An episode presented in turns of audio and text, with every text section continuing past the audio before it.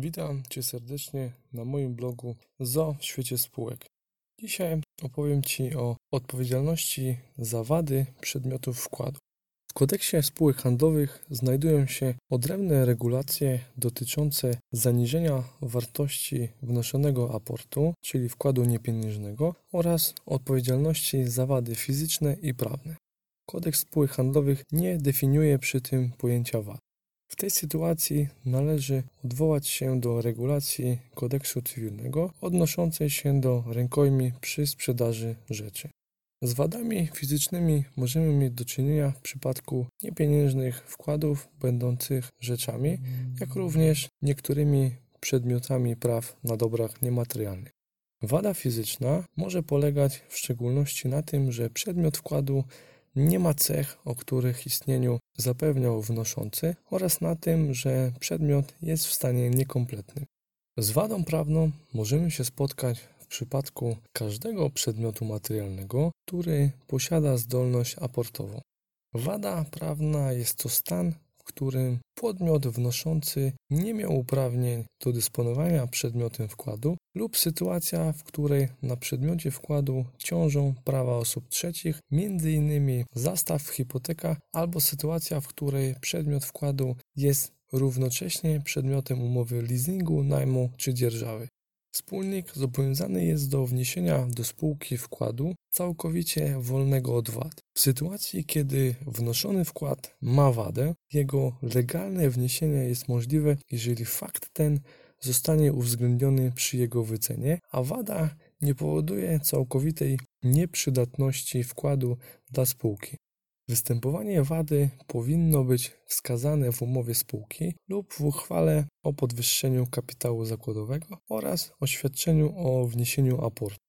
Jeżeli wspólnik wniósł wadliwy wkład, zobowiązany jest do wyrównania różnicy między wartością przyjętą w umowie spółki a wartością zbywczą tego wkładu.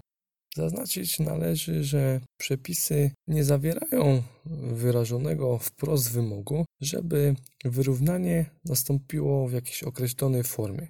Problem może pojawić się przy ustalaniu zbywczej wartości wkładu.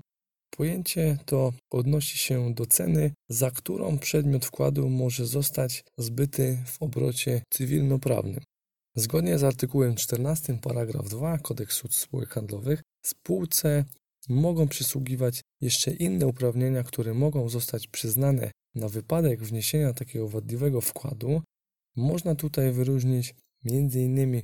żądanie przez spółkę zastrzeżonej w umowie spółki kary umownej, czy też prawo do domagania się usunięcia wad przedmiotu wkładu lub wymiany wkładu na nowy, wolny od wad, o ile jest to możliwe. Nie jest możliwa natomiast bez zmiany umowy spółki tak zwana podmiana aportów. W orzecznictwie wskazuje się, że pojęcie wady użyte w artykule 14 Kodeksu Spółek Handlowych nie jest tożsame z takim pojęciem w przepisach dotyczących sprzedaży. Artykuł 14 jest przepisem o charakterze wyrównawczym, przewidującym uprawnienie do wyrównania różnicy między rzeczywistą a zadeklarowaną wartością aportu. W przypadku spółek kapitałowych nie jest możliwe zastosowanie przepisów o rękojmi za wady fizyczne i prawne rzeczy w sytuacji wadliwego aportu. Na podstawie artykułu 175 paragraf 1 kodeksu spółek handlowych w sytuacji znacznego zawyżenia wartości aportu wspólnik, który dokonał wniesienia takiego wkładu oraz członkowie zarządu, którzy wiedząc o tym fakcie zgłosili spółkę do rejestracji, zobowiązani są solidarnie do wyrównania spółce brakującej wartości. Na podstawie paragrafu drugiego wspomnianego przepisu nie ma możliwości zwolnienia wyżej wymienionych osób od powołanej odpowiedzialności. Do wytoczenia powództwa opartego na wyżej wymienionych przepisach nie jest konieczne uprzednie powzięcie uchwały.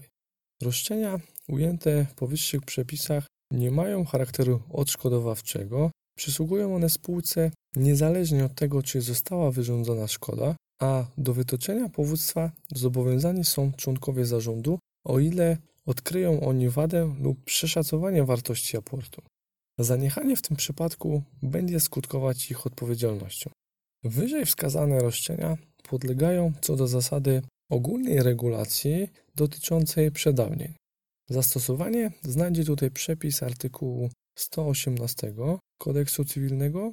Zgodnie z tym przepisem, jeżeli przepis szczególny nie stanowi inaczej, termin przedawnienia wynosi 6 lat, a dla roszczeń o świadczenia okresowe oraz roszczeń związanych z działalnością gospodarczą 3 lata. Jednakże koniec terminu przedawnienia przypada na ostatni dzień roku kalendarzowego, chyba że termin przedawnienia jest krótszy niż 2 lata. Dziękuję za uwagę, zapraszam do śledzenia kolejnych odcinków.